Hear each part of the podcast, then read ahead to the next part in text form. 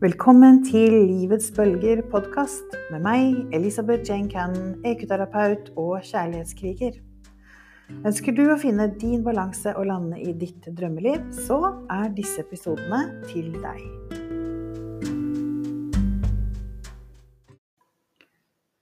I denne episoden så deler jeg med deg del én av mitt liv. Det som jeg også kaller for mitt første liv.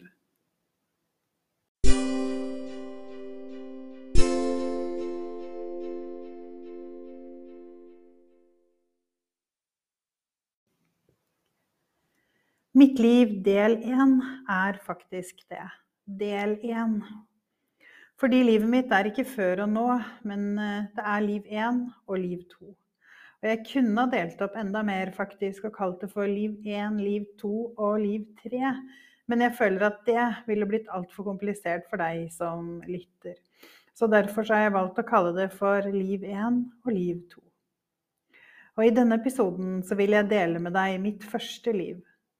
Fra fødsel til skilsmisse, i så korte trekk som jeg får til, slik at det fortsatt blir sammenheng for deg. For tiden så skriver jeg på boken min så det vil komme en dag, snart håper jeg, der du vil kunne lese og fordype deg mer i min historie. Akkurat nå så er vi sammen her inne i podkasten, og jeg vil dele det med deg slik jeg har sagt, del én. Jeg ble født helt, helt på begynnelsen av 70-tallet, på en dag jeg nå vet var og er magisk, 22. i andre.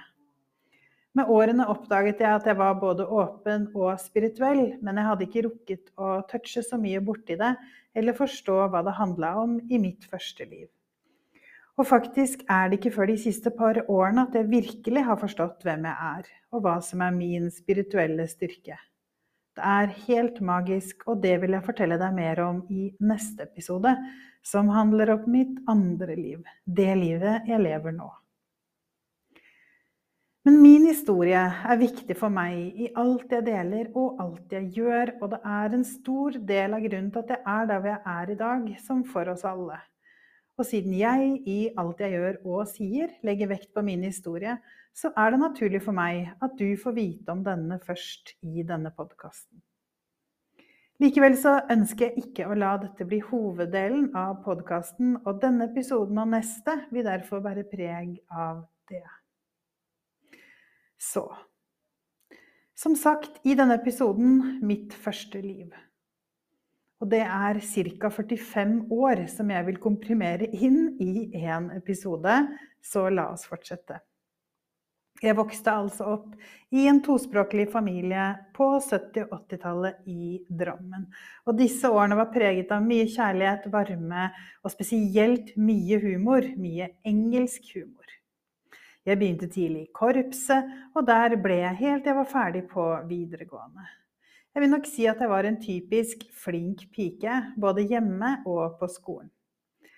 Mammaen min var norsk, eller er norsk, og pappaen min var engelsk, så jeg fikk nok også en litt annen oppvekst enn mine venninner på flere måter. Og kanskje også i forhold til at jeg nok hadde en litt mer streng, men kjærlig oppdragelse.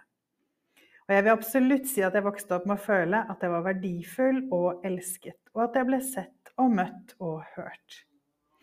Likevel så følte jeg i mitt norske hverdagsliv at noe mangla inne i meg. Og jeg ville noe annet enn mange av mine venninner. Hver sommer så dro vi til Devon, som ligger i Sørvest-England og tilbrakte sommerferien hos mine besteforeldre, ma og pa. Og allerede som barn så kjente jeg at jeg var hjemme med en gang jeg kom til Devon. Jeg fant ro, balanse, selvtillit, og jeg landa rett og slett på en helt annen måte enn hjemme i Norge. Og etter hvert som jeg ble eldre, så ble denne opplevelsen tydeligere og tydeligere. Og jeg kjente stadig at jeg følte meg utenfor i Norge. Og jeg husker at jeg bare visste med hele meg at det ikke var der jeg var ment til å være. Da jeg skulle velge videregående skole, så valgte jeg den skolen som jeg syns alltid er veldig fint å beskrive som forløperen til dagens videregående skoler. Jeg gikk ikke på et vanlig gymnas, men på en videregående skole som satsa på mer yrkesfag som regnskap, markedsføring og handel og kontor. Og jeg gikk to ulike handel- og kontorstudier de to første årene, og siste året så valgte jeg en linje som rett og slett het reiselivslinjen. Drømmelivet mitt begynte å ta form. Jeg ville ta hotellfag, og deretter så var planen min å starte en bed breakfast i Devon, der jeg følte meg hjemme. Så planen min ble derfor å ta hotellfagskolen etter videregående, og den gang, på begynnelsen av 90-tallet, så trengte man praksis først. Jeg er litt usikker på hvordan det er i dag, det har jeg ikke undersøkt en gang etterpå. Så et par måneder etter russetida så fikk jeg jobb som vikar på et høyfjellshotell. Eventyret mitt skulle begynne. Lite visste jeg da at dette skulle bli starten på slutten i nesten tre tiår av mitt liv.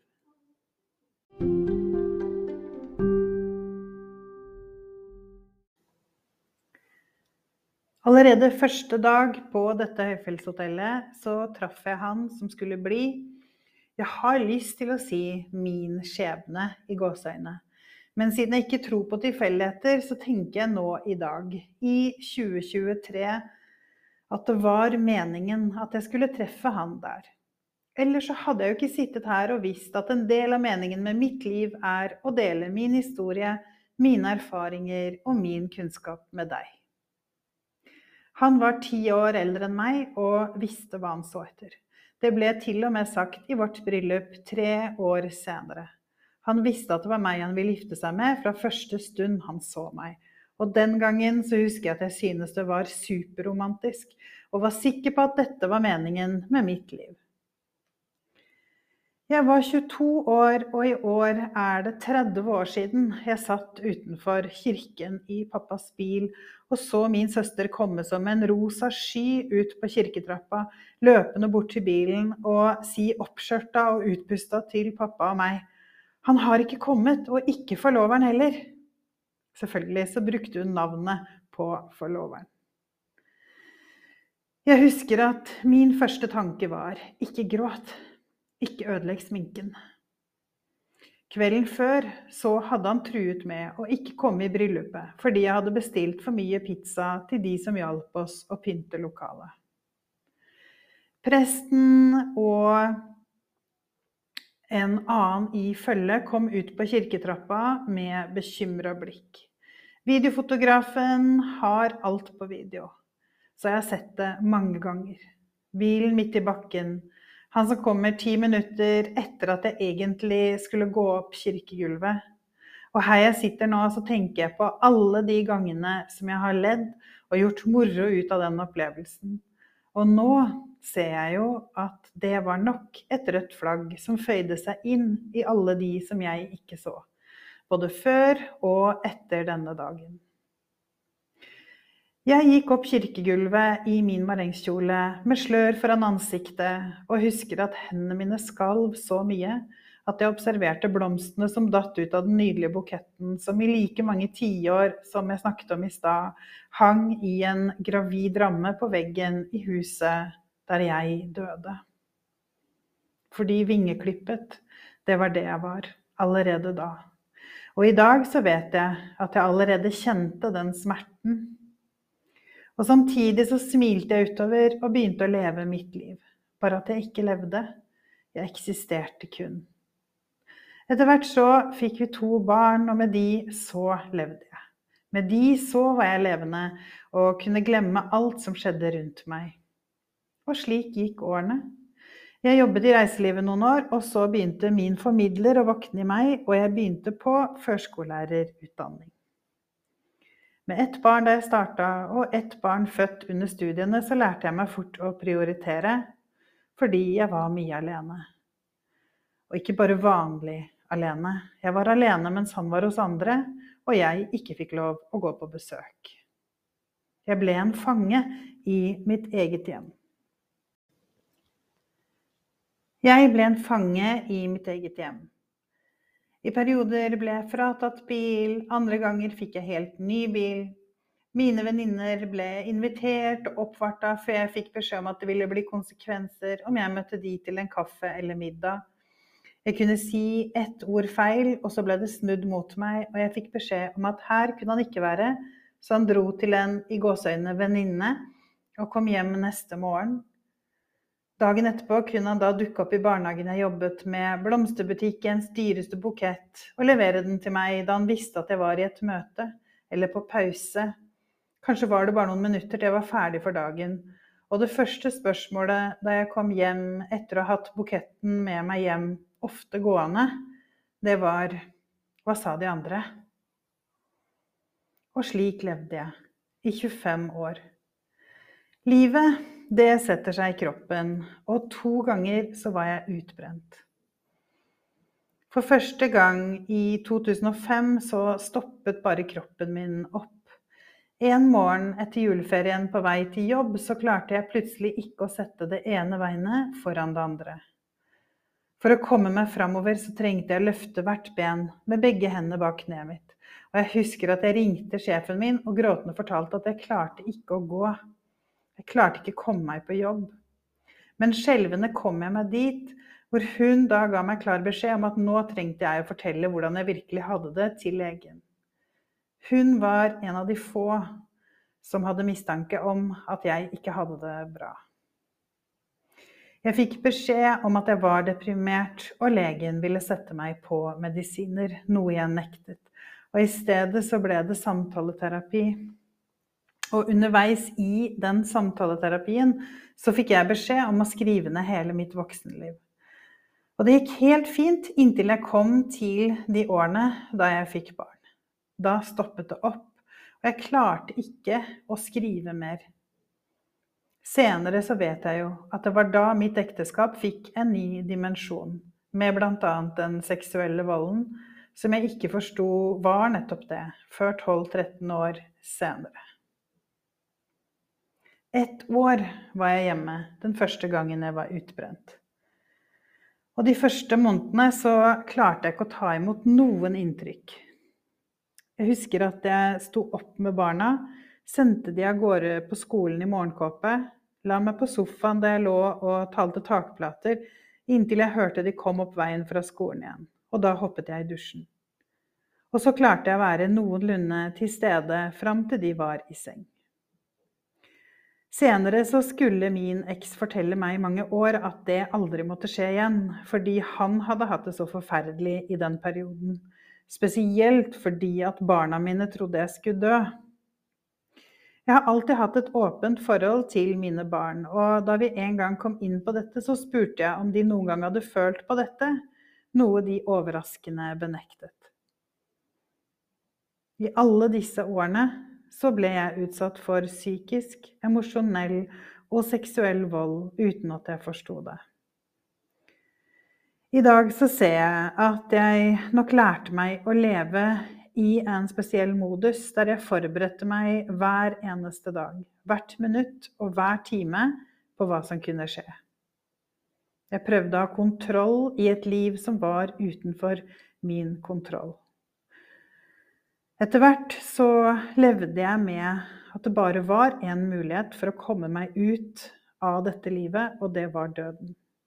Og jeg begynte å planlegge hvordan jeg ville ta mitt liv, men det var én ting som stoppa meg, og det var barna. De trengte meg. De trengte meg for å ha en normal i sitt liv. Fordi selv om jeg innvendig var død og avstengt og nummen, så var det en del av meg som bare tilhørte de. Den delen, den levde, den blomstra, og den lo.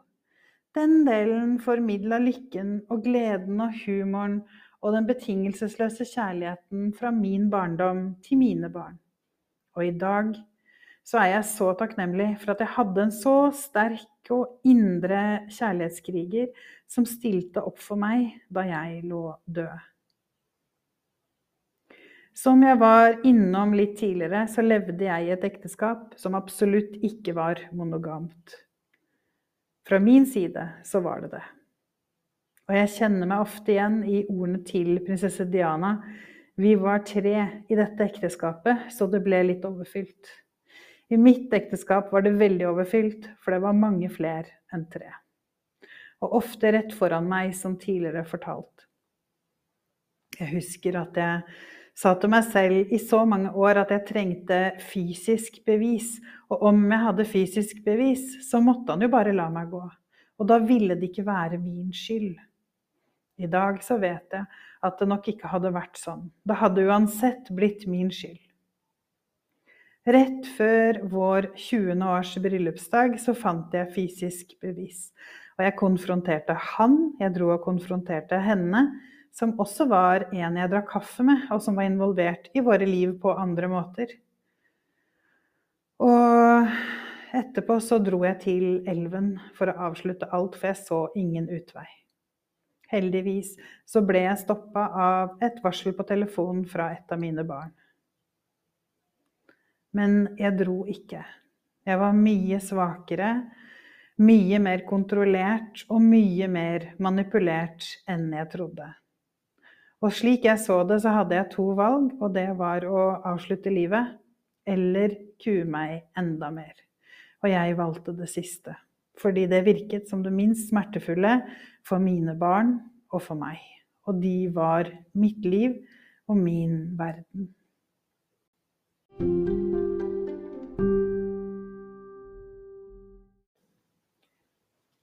De neste fire årene skulle bli de verste årene i mitt liv og i mitt ekteskap i forhold til volden jeg var offer for, som jeg fortsatt ikke forsto var vold. Emosjonelt, psykisk og spesielt seksuelt. Barn blir store, og plutselig var det på tide å forlate redet, og jeg kjente at noe i meg hadde løsnet de siste årene. En styrke vokste også inne i meg, og sakte, men sikkert så begynte jeg å våkne fra en dvale som hadde vart i 25 år. Plutselig så fant jeg styrke til å si fra, ta igjen, og mest av alt komme meg ut som 45-åring satt jeg plutselig i min egen leide leilighet med møbler jeg hadde valgt, og med en hverdag der jeg bestemte. Jeg kunne ikke tro det, og jeg kjente at jeg plutselig kunne begynne å puste igjen. Og sakte, men sikkert så begynte 19-åringen som var blitt vingeklippa, å dukke fram igjen. Det å plutselig være 19-åring i en 45-årings kropp kan virke som en drøm eller en skikkelig jentefilm. Men i virkeligheten Nei, i virkeligheten så møtte jeg plutselig et helvete som jeg ikke var klar over. Det å savne noe man ikke savner. Det å innse at livet har gått deg forbi. Det å forstå at alle andre har gått videre, men du fikk ikke fulgt med inn i deres liv med vennegjenger og sosialt liv. Hele ditt nettverk er nå flyvende apekatter, og du er helt alene. Og ingen vil tro deg, tror du, fordi de trodde du hadde et perfekt og normalt liv. Jeg opplevde det som om teppet var dratt vekk under meg, og under teppet så var det et stort hull jeg ikke skjønte hvordan jeg skulle komme meg opp fra. I den neste episoden så vil jeg fortelle deg om hvordan jeg kom meg opp fra dette hullet fordi, kjære deg, det er mulig hvis du kjenner på gjenkjennelse når jeg nå har fortalt deg lite bitte grann av min historie. Så da vil jeg dele med deg også hvordan jeg i dag kan sitte her og snakke til deg fra deilige Sicilia uten skam, uten skyldfølelse og ikke minst uten dårlig samvittighet.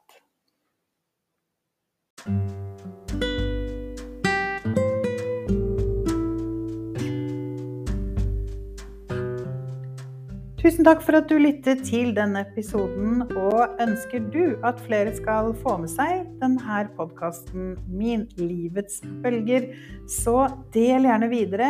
Gi en stjerne. Og send meg også gjerne en melding eller en kommentar. Du kan gjøre det på e-post post krøllalfa livetsbolger.no, eller send meg også gjerne en DM på Instagram, der du finner meg på kontoen Livets Bolger.